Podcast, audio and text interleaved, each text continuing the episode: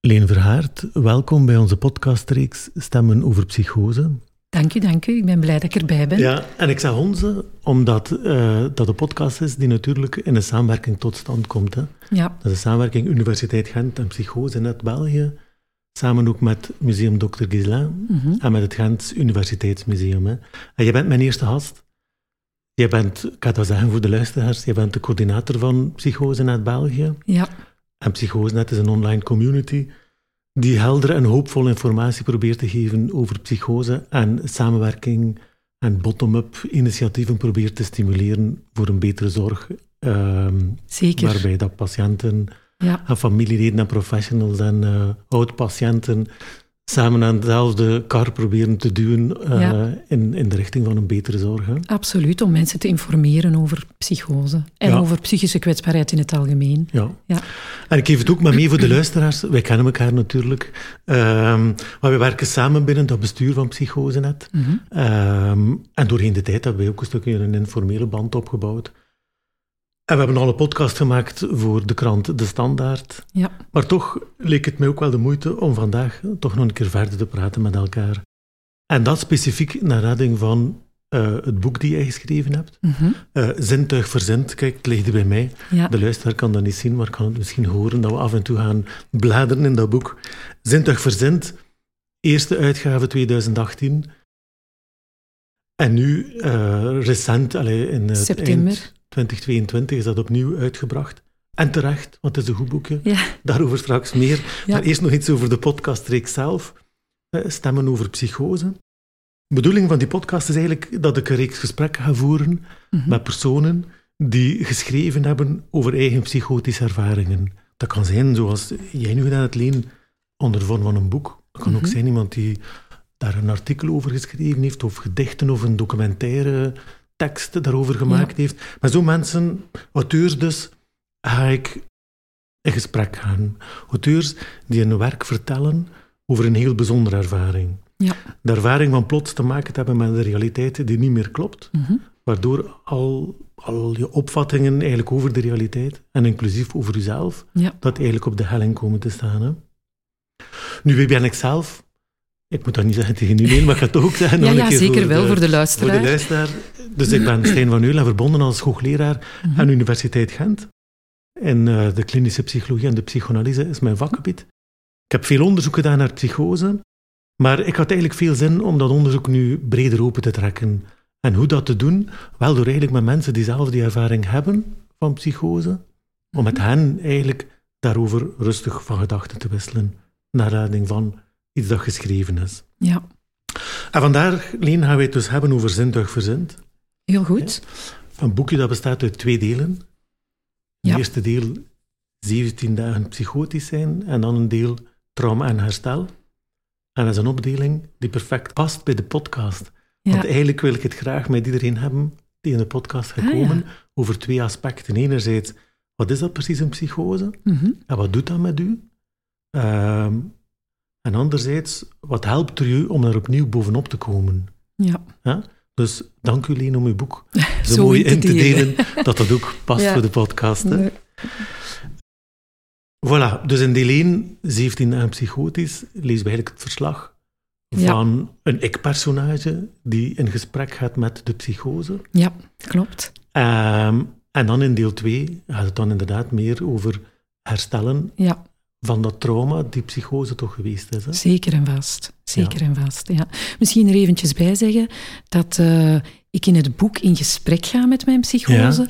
Ik heb daarvoor gekozen om eigenlijk de strijd, die woede in mijn hoofd, beter te kunnen weergeven. Maar in werkelijkheid is dat niet zo geweest. hè. Ik ben niet in gesprek geweest met mijn psychose, maar de gedachten die er allemaal in staan, hebben wel allemaal plaatsgevonden in mijn Ja. hoofd. Dat is misschien belangrijk om te weten. Oké. Wat dat er mij opvalt als, als ik het boek lees, en ik heb het nog een keer herlezen ehm, voor vandaag, dat is, je, je schrijft zo redelijk recht toe, recht aan. Ehm, dat komt ook als lezer enorm binnen. Op bepaalde momenten lijkt het bijna poëzie. Mhm. En, en hoe typerend en treffend dat je bepaalde ervaringen ehm, opschrijft. Zo. Ja, misschien is ook eh, als achtergrond, als iemand het boek leest, het is zo dat ik eigenlijk ik schrijf graag. Hè, dat is altijd een beetje een hobby geweest. Uh, ik heb altijd een dagboek gehad. Ik heb daar nooit professioneel iets mee gedaan. En dus ook wanneer ik psychotisch was, in die 17 dagen heb ik tamelijk veel neergeschreven. En dat maakt dat ik eigenlijk heb kunnen reconstrueren wat er precies allemaal gebeurd is, of welke gedachten er door mijn hoofd zijn gegaan tijdens het psychotisch zijn. En dat maakt het wel een beetje bijzonder, hè, want vaak ben je dan ver weg en weet je niet goed niet meer wat dat er precies allemaal gebeurd is en wat dat je allemaal gedaan hebt. En door die schrijfsels, uh, pas op, dat heeft heel veel tijd en energie mm gekozen om die chaos een beetje uit elkaar te trekken. Maar via die schrijfsels ben ik er dan in geslaagd om te reconstrueren dag per dag wat dat er precies door mijn hoofd gegaan is. Misschien is dat de reden waarom het zo um, ja, recht toe, recht aan, zoals je zegt. Ja. Het was geen dagboek dat je bijhield? Nee, ik heb gewoon doorheen die 17 dagen regelmatig, bijna dagelijks wel, ja, Ehm, ik zal zeggen, in die periode, ik ging eigenlijk... Uh, we hebben, ik heb een gezin met drie kinderen. Mijn man was op uh, zakenreis tijdens die periode. Ik ging s'avonds met het gezin mee slapen. En dan na een uurtje stond ik op. En dan s'nachts begon ik allerlei dingen neer te schrijven, te doen. Dan zat ik in de kelder dossiers te vernietigen. Op uh, internet linken aan te leggen. Van alle gekke mhm. dingen te doen. In het kader van wat er allemaal door mijn hoofd ging. ja. ja. Ik heb u gevraagd, Leen, om twee passages te selecteren uit het boek. Hè? Ja. Ik heb dat zelf ook gedaan. Oké. Uh, en aangezien dat we het hebben over boeken, lijkt het mij wel fijn dat je eerst een passage voorleest en dat we daar dan verder over praten. Ik zal dan ook een passage lezen die mij trof in het boek, die meer eerst gaat over psychotische ervaring. En dan gaan we ook uh, over herstel eigenlijk wel ja. de tweede passage nemen. Oké. Je had mij inderdaad gevraagd om een eerste passage te kiezen over die ervaring. Hè. Mhm. Ehm, de titel van mijn boek is Zintuig verzint. Hè. Dat is echt in twee woorden waarvoor, waarover het gaat bij mij in een psychose. Ik kon mijn zintuigen niet meer vertrouwen. En de eerste passage die, daar, die gaat daarover. Over die zintuigen, hoe raar dat die deden. Of hoe eigenlijk de wereld via mijn zintuigen uh, heel heftig bij mij binnenkwam. Ja. Zal ik beginnen lezen? Ja, perfect. Dag 4. En ik heb ook elke dag van die 17 dagen een titeltje gegeven. En dag 4 draagt de titel Extra Dimensie. Dag psychose. Bedankt om mij te introduceren bij een extra dimensie. Zien, je lacht. Het lijkt wel of ik nooit echt zag. Zien in de diepte. Kleuren blinken feller, lichte stralen witter en grijstinten lijken op onze poes. Dat is pas perceptieverruiming, zou mijn collega-coach zeggen. Bomen en bladeren kleuren echt groen en bruin is bijna helder, alsof je voor de eerste keer lenzen draagt. Staafjes en kegeltjes slaan tilt. Alles vloeit vlekkeloos in elkaar over. Er zijn geen contouren meer. Waarom leerde ik je niet vroeger kennen? Horen is ook nieuw. Geluid als voorbode van iets dat komt of als signaal dat je niet alleen bent. Zo bijzonder. Soms heel luid. Misschien de aankondiging van gevaar. Het doet pijn aan mijn oren en aan mijn hoofd. Luid geeft me een schichtig gevoel. Psychose, bij voelen loopt het mis. Voelen is je vereenzelvigen met alles dat je aanraakt, toch? Alsof ik me in dezelfde trillingsfase van een object bevind. Opnieuw een andere dimensie. Wat ik eigenlijk wilde zeggen, het doet pijn, het raakt. Iemand voelen, een hand geven, aanraken produceert kilte en angst. Ik krijg rillingen die me leegzuigen en ondervind ondraaglijkheid. Er vloeit geen warme stroom meer. Gelukkig zit ik olfactorisch en gustatorisch nog juist. Ruiken en proeven zijn blijkbaar zintuigen die dieper in mijn hoofd zijn gebeiteld. Ze zitten vaster. Je kan er niet zomaar aan draaien, ze uitdunnen of verschuiven. Eten vasthouden en eraan ruiken is voldoende. En als je dan toch proeft, smaakt een klein haapje waanzinnig lekker. We moeten nieuwe woorden verzinnen voor deze sensaties. Psychose, waarom geef je me geen taal om het degelijk uit te drukken? We hebben in ieder geval minder nodig voor eenzelfde effect. Eén blokje brood met kaas en één sneetje chocolade volstaat. Een volwaardige maaltijd. Een druppeltje shampoo en geen wasmiddel zijn voldoende om onze neus te bevredigen. Wauw, zintuigen, dat heb je mooi voor elkaar. Ik zou het niet beter kunnen. Hoewel, ik voel me zo zeker van mezelf. Wist je dat ik nu meer gewichten kan heffen? Mijn vrienden op de CrossFit zien het niet. Wat ik wel zie, is dat jij me niet gelooft. Ben je bang dat ik je overtref? Ja, eerste passage. Um, wat, wat aan mij daar sterk opvalt, dat is um, hoe dat je beschrijft dat wat dat je ziet, wat dat je voelt wat dat je mhm. hoort, hoe, hoe dat daar eigenlijk iets um, begint door te vloeien. Hè? Dus wat dat er eigenlijk iets van een afscheiding was, een soort grens, dat die grens eigenlijk verdwijnt. Ja. Zo is het echt. Nu, ik moet eventjes duiden. Uh, ik ben door een manische periode gegaan mm met psychose.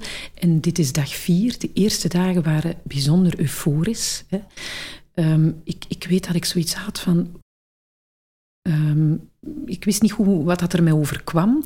En het leek wel alsof ik voor de schrijf het ook, hè, voor de eerste keer echt zag. Het was eigenlijk een heel fijn gevoel. Hm. Ehm, het psychotisch zijn verliep ook niet, eh, dat, dat verliep eigenlijk um, exponentieel. Hè. De eerste dagen was ik een aantal uren psychotisch, hm. zal, ik zei, zal ik zeggen. En verder leefde ik mijn leven verder. Op automatische piloot zorgde ik voor mijn gezin. Hè. Maar die ervaringen die kwamen te pas en te onpas binnen. En ik, ik, ik wist niet goed wat ik ermee aan moest. Ik praatte er ook niet met iemand over. Het voelde heel echt aan, maar ik had wel continu het gevoel dat er iets niet klopte. Ja. Ik kon er de vinger niet op leggen, omdat het echt, echt was, mm wat ik zag. Um, en inderdaad, zoals je zegt, op alle vlakken, als ik, ik heb er vaak over nagedacht, hè, was het alsof dat grenzen vervagen. Ja. Het leek wel alsof ik één was met het universum, of ik deel uitmaakte van alles wat er rondom mij was. En ik kan, ik kan me voorstellen dat dat zowel een gevoel kan geven van een soort spirituele openbaring, als dat dat eigenlijk diepe angst kan ja. teweegbrengen. De eerste dagen absoluut niet. Hè. Was het vooral een gevoel van wauw, wat maak ik hier mee? Hoezo? En, en, en, en, zoeken naar hoezo zien an, zijn anderen niet mee? Hè? Mij de vraag stellen, um, want dat is wat dat je doet. Hè? Je, je je ervaart een aantal dingen die plots niet meer kloppen in je wereldbeeld. Mhm. hè?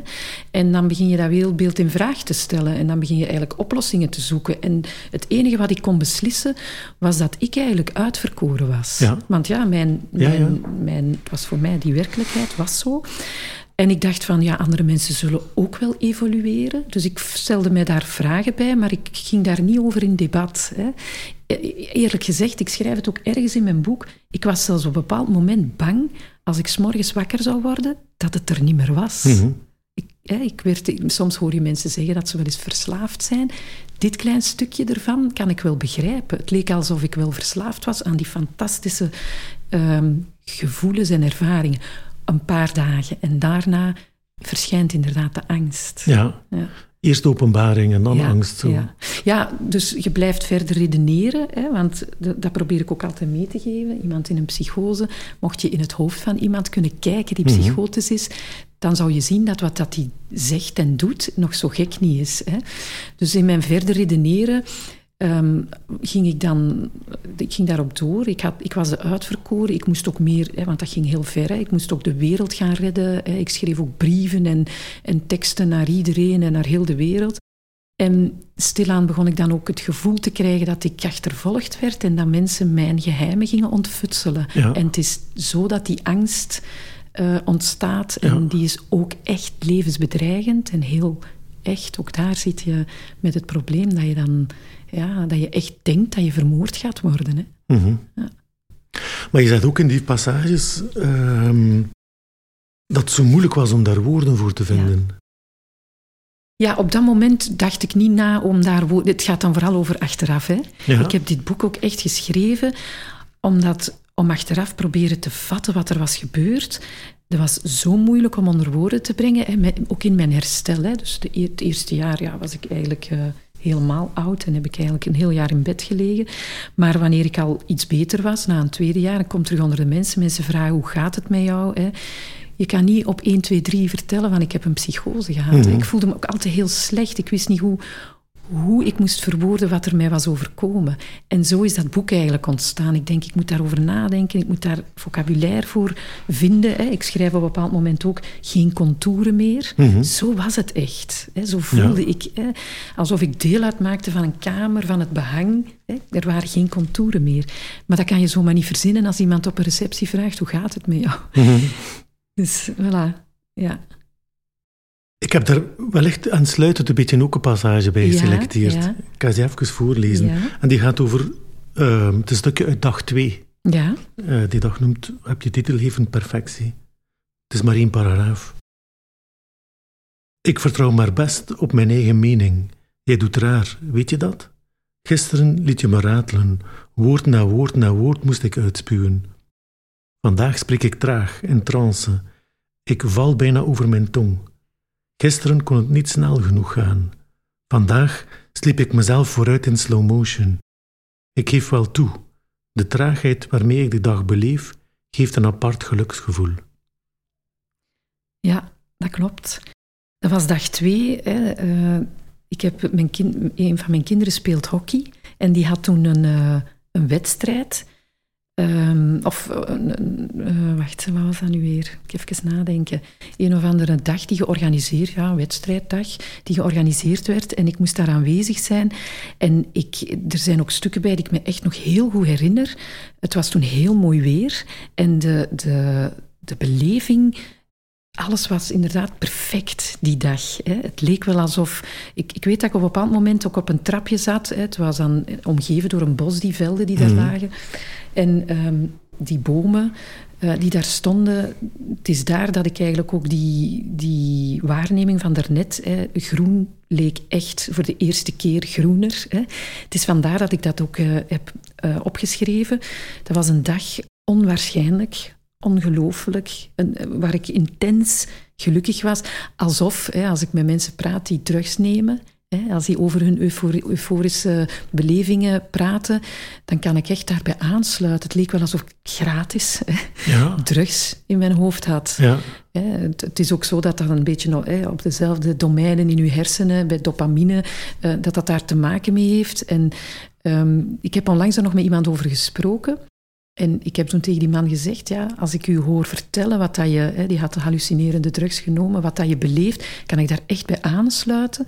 Natuurlijk met dat verschil dat ik daar niet ben uitgeraakt. Mhm, mhm.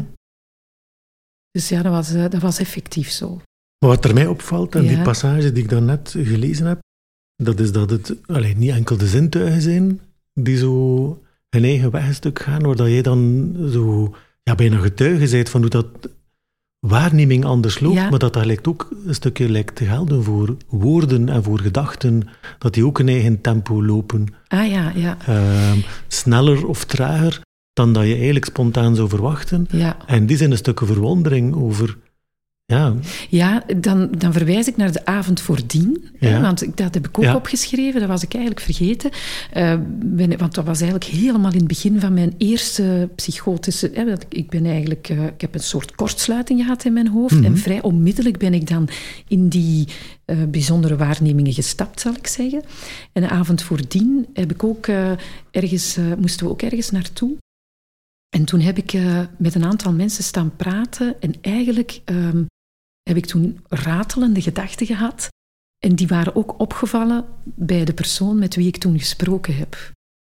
Verstaan wat ik wil ja. zeggen? Bedoel je dan bijna eh, praten op automatische piloot? Ja, ja, alsof ik... Uh, hoe moet ik dat nu zeggen? Alsof ik in tweede, normaal in tweede versnelling sta, ik in één keer in vierde versnelling aan het praten was. Ja. Dat zij toen ook zei van wauw, en, en uw ideeën toen, lenen. En, en we hadden toen een heel goed gesprek gehad, dat was heel aangenaam. Nog net niet alsof dat zij dacht van er is echt iets mis met Leen. Het was net randje kantje. Ik ben ook iemand die nogal enthousiast is. Ze zal gedacht hebben van ze is vandaag heel enthousiast. maar dus um, ja, alsof ik uh, in tweede versnelling, of vierde versnelling stond. En hè, die ratelende gedachte trouwens is een rode draad doorheen de hele psychose. Hè? Mhm. Dat het denken niet stopt. Hè? Ja. Maar dus soms, soms leek het alsof dat er dan ook zo moest uitkomen. Ja. En kon je die gedachten op dat moment nog beschouwen als jouw eigen gedachten? Um, dat is een moeilijke vraag. Denk het wel, ja. Ja. Ja. ja. nu, nu, dat is een, een moeilijke vraag in die zin. Ik heb eigenlijk nooit, denk ik, echt een moment gehad dat ik, dat ik het gevoel had dat de gedachten niet van mij waren. Ja. Ik heb ook geen stemmen gehoord, Mhm. hè, maar wel auditieve hallucinaties gehad, die van buitenaf kwamen. Hè, vogels die mij leken te vertellen wat ik moest doen. Maar de gedachten die ik zelf had, die leken wel van mij te zijn. Ja, Ja. ja.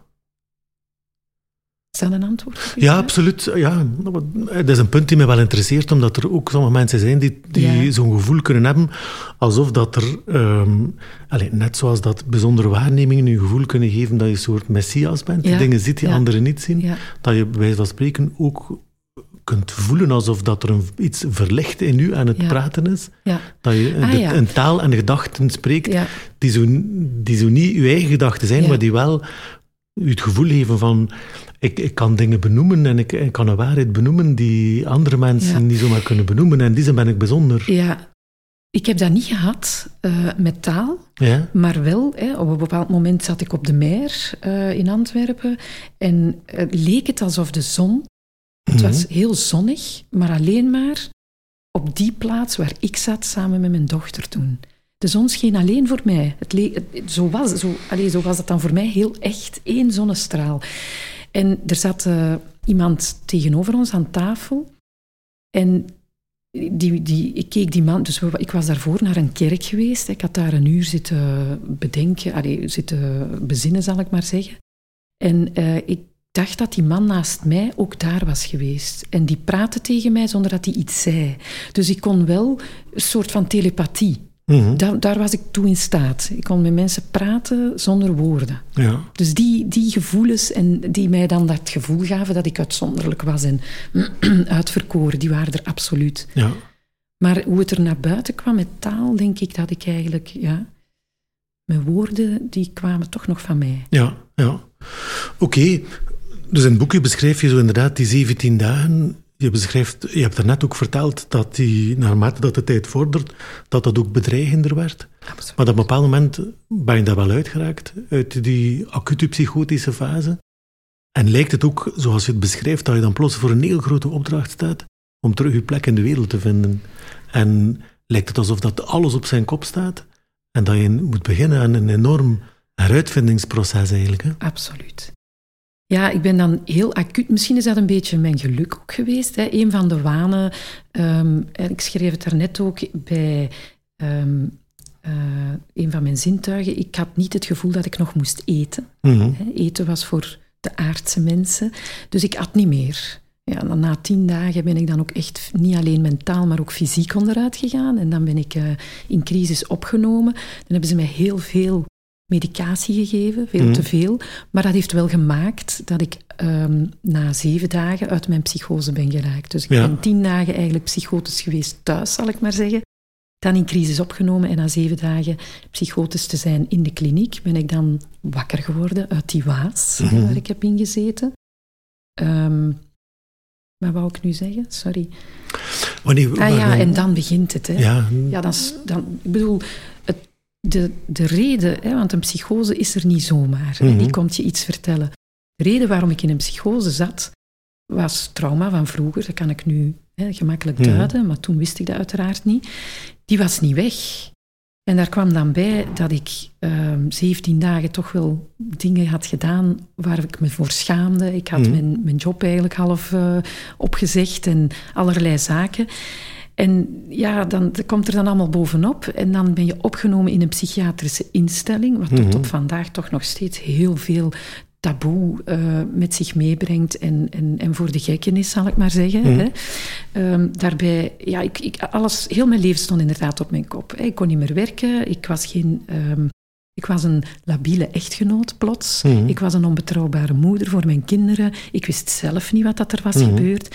En dan moet je daarvan gaan herstellen, terwijl die medicatie er ook voor zorgt dat je je lichaam niet meer herkent. ja. Want dat is een ander verhaal hè, waar we het vandaag niet over gaan hebben, denk ik. Maar antipsychotica is heel heftig. Hè. Hm? Eh, Ik had allerlei middelen gekregen, eh, maar die maakt, dat maakt ook dat je op een moment dat je kwetsbaar bent, dat je weinig zelfvertrouwen hebt, dat je ook je lichaam niet meer herkent. Dat Mhm. vond ik ook heel heftig. En al die dingen samen, ja, dat was een berg om niet te overzien. Hè. ja. Misschien moeten we nu een keer gaan naar jouw tweede passage. Ja. Een tweede passage die gaat over, over de ontmoeting met een, met, met een hulpverlener die een verschil gemaakt heeft voor u. Hè? zeker. Dus uh, staat onder titeltje verbonden. Psychiater 3 werd mij aangeraden door een vreemde hulpverlener die de paniek in mijn stem op zijn antwoordapparaat had gehoord. Levenslang blijf ik deze hulpverlener dankbaar. Hij had me evengoed niet kunnen terugbellen. Te druk, vergeten, gewoon. Ik verplaatste mijn paniek naar het antwoordapparaat van psychiater 3. Levenslang blijf ik hem dankbaar voor zijn telefoontje. Hij had me evengoed niet kunnen terugbellen. Te druk, vergeten, gewoon. De doorverwijzing was een keerpunt, hoewel een stukje hoop nog een hele tijd op zich liet wachten. Psychiater 3 was een man die geen enkele voorkennis had van het inferno waarin ik me bevond. Hij was in de eerste plaats een mens die ten alle tijde bereikbaar was.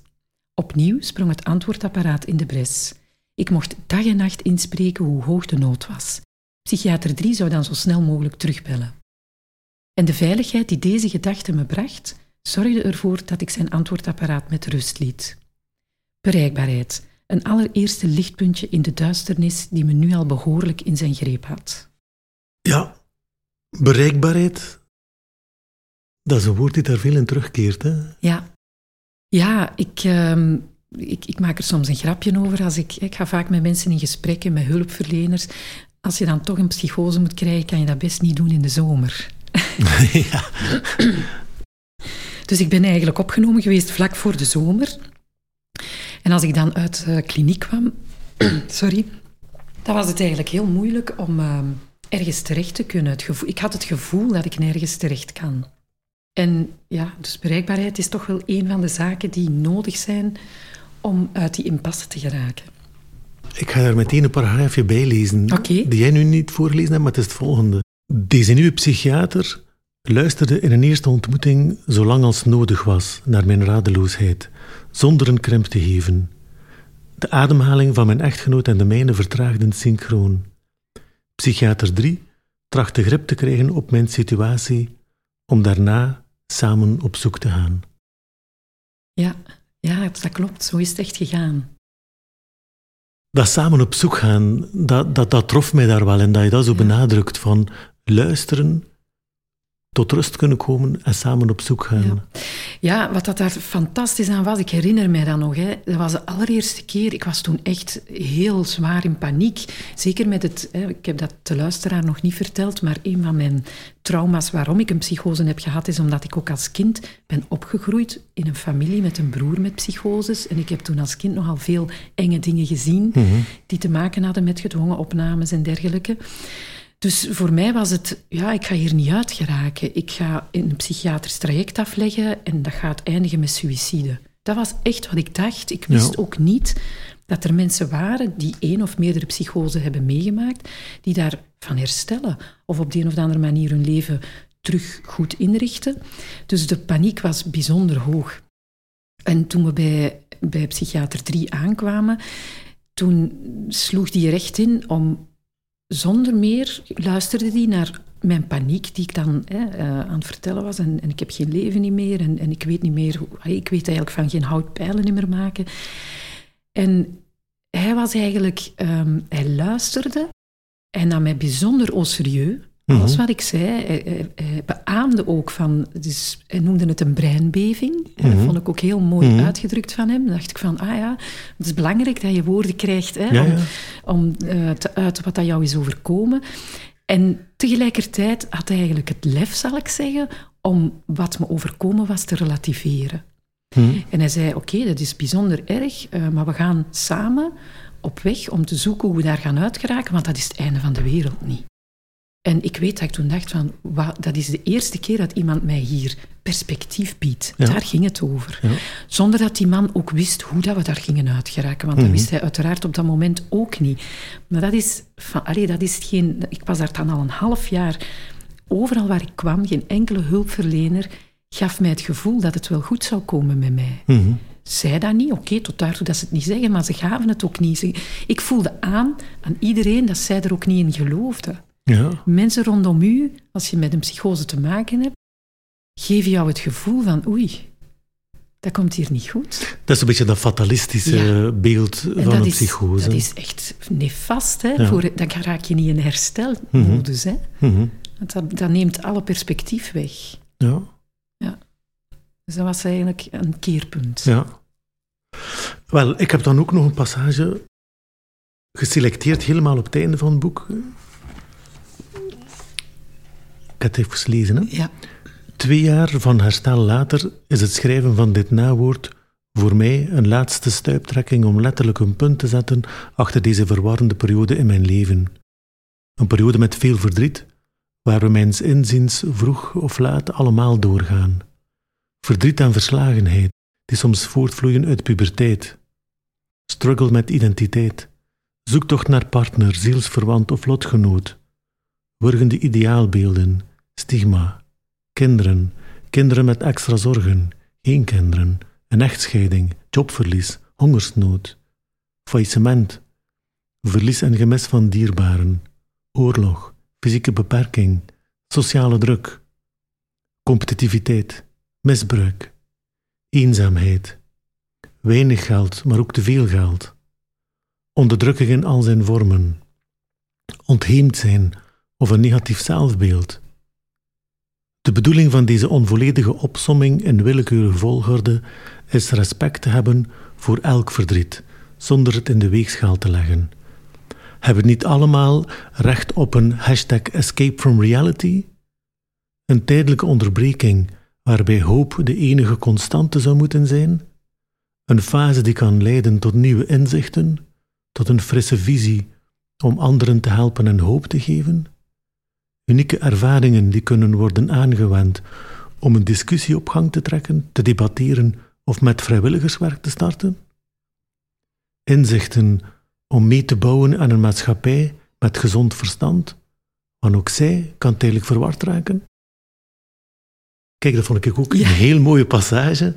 Dat zal u misschien niet verwonderen, maar um, omdat jij daar zo mooi verwoordt, dat dat eigenlijk um, een psychose zelf is een crisis in uw zelfbeleving en in uw realiteitsgevoel, maar dat dat ook moet begrepen worden vanuit het feit dat dat ook samenhangt met een crisis in een leven en dat dat in die zin ook geen pure absurditeit is die op dat moment verschijnt, maar een soort cryptische beleving die niet direct duidelijk is, maar die wel ook iets zegt over die, die realiteit waar we eigenlijk allemaal ja. Een worsteling mee hebben. En ik zeg allemaal, bedoel, ik ook, iedereen die leeft, heeft een worsteling met de realiteit en soms valt het ons zwaar. Absoluut. Ik, ik geloof daar ook heel sterk in. Het, uh, het doembeeld van een psychose uit, uit de maatschappij trekken en als iets bijzonder bekijken, um, is verkeerd. En, en dat staat herstel in de weg. Hè. Uh, het is inderdaad een complex fenomeen waarbij dat, uh, waar het feit dat je tijdelijk deconnecteert met de realiteit maakt het heel bijzonder. En um, ik heb dat ook gezien met mijn broer. Hè. Het moeilijke eraan is, men begint dan die symptomen te behandelen en om duur behandelt men om de behandeling, maar vergeet men eigenlijk waar het in eerste instantie om gaat. En dat gaat gewoon over een mens die op een bepaald moment in zijn leven is de draagkracht kleiner dan de draaglast. En slaagt hij er op de een of andere manier niet in om zich uit, om uit te drukken waar dat hij mee worstelt. En een psychose is voor mij een copingmechanisme geweest waarbij mijn lichaam naar buiten gekomen is met iets waar ik geen woorden, geen taal voor had, iets wat me diep van binnen beroerde. En oké, bij mij is dat een psychose geweest, bij anderen is dat misschien via een depressie. Uh, ik, zo zie ik het. Het mhm. was een enge ervaring die ontwricht, die een heel gezin en systeem met zich kan meebrengen, maar het blijft een ervaring die je een plaats kan geven, ook na vele jaren. En als je het zo bekijkt, dan dat, dat brengt hoop. want ik, ik heb in dat stukje ook over hoop geschreven. Ik heb dat ook ervaren. Op de donkerste dagen van mijn leven, het enige wat dat dan nog helpt om daaruit te geraken, is perspectief. Hm. En als je geen perspectief hebt, uh, ja, dan, dan dat is, heel, dat is bijzonder erg. Dan kan je niet in herstel stappen, dan kan je daar niet uit geraken. Want dat moet ik misschien ook eventjes onderstrepen. Het is ook een moment in mijn leven geweest waarop ik echt heb moeten toegeven dat ik het niet alleen kon. Hm. Alleen geraak je daar niet uit. Hè. Dat doe je samen. Um, Mensen vragen dat dikwijls, hè, van hoe ben je er dan uiteindelijk uitgeraakt? Het is en die belangrijke professionele hulpverlener met wie je verbinding kan maken. Het is en lotgenotencontact en uh, een sociaal vangnet. Um, ook belangrijk is, vrijwilligerswerk heeft mij heel erg geholpen om mijn, mijn zelfwaarde terug op te bouwen. Mhm. En misschien toch ook nog even benadrukken creativiteit. Hè. Schrijven is mijn comfortzone geweest. Ik heb ook in mijn boekje tekeningen verwerkt van mijn dochter. Die samen zijn de kinderen met en mijn man zijn eigenlijk ook door crisis gegaan. Mhm. Mijn dochter zat toen op de Steiner school en had prachtige tekeningen gemaakt over psychose. En dat heeft ervoor gezorgd dat we ook met haar ehm, aan de hand van die tekeningen in gesprek zijn kunnen gaan over hoe zij de crisis van haar mama heeft beleefd. Dus ik vind het ook heel belangrijk dat herstel, wanneer het over herstellen gaat, dat dat, dat, dat kan plaatsvinden binnen iemand zijn comfortzone. Mhm.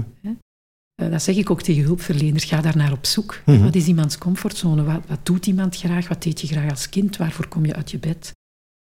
En voilà, ehm, tot slot om het dan ook open te trekken naar een hele maatschappij. Hè, want we leven in een serieuze ratrace, waarbij het denk ik heel begrijpelijk is dat mensen onderuit gaan op bepaalde momenten in hun mhm. leven. Dat is al een beetje ja, absoluut. Dat, is een, dat is een heel heldere typering. Hè. Ehm, ik denk dat het moment is om, om, om ons gesprek nu af te sluiten uh, bij wat je nu verteld hebt. Twee dingen zijn mij enorm, blijven mij enorm bij, zijn mij opgevallen.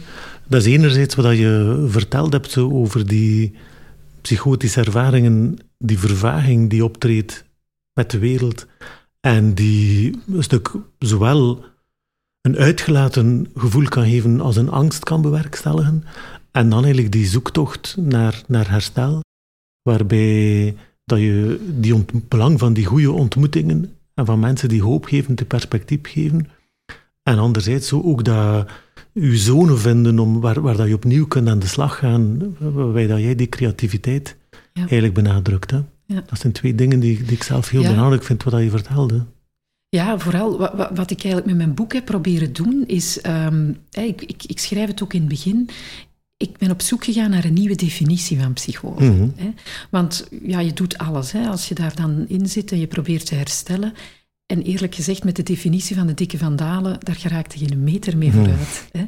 Dus ik heb aan het einde geprobeerd van, vanuit mijn gevoel nieuwe definities te, te formuleren die geen stigma in zich dragen. Mhm. hè?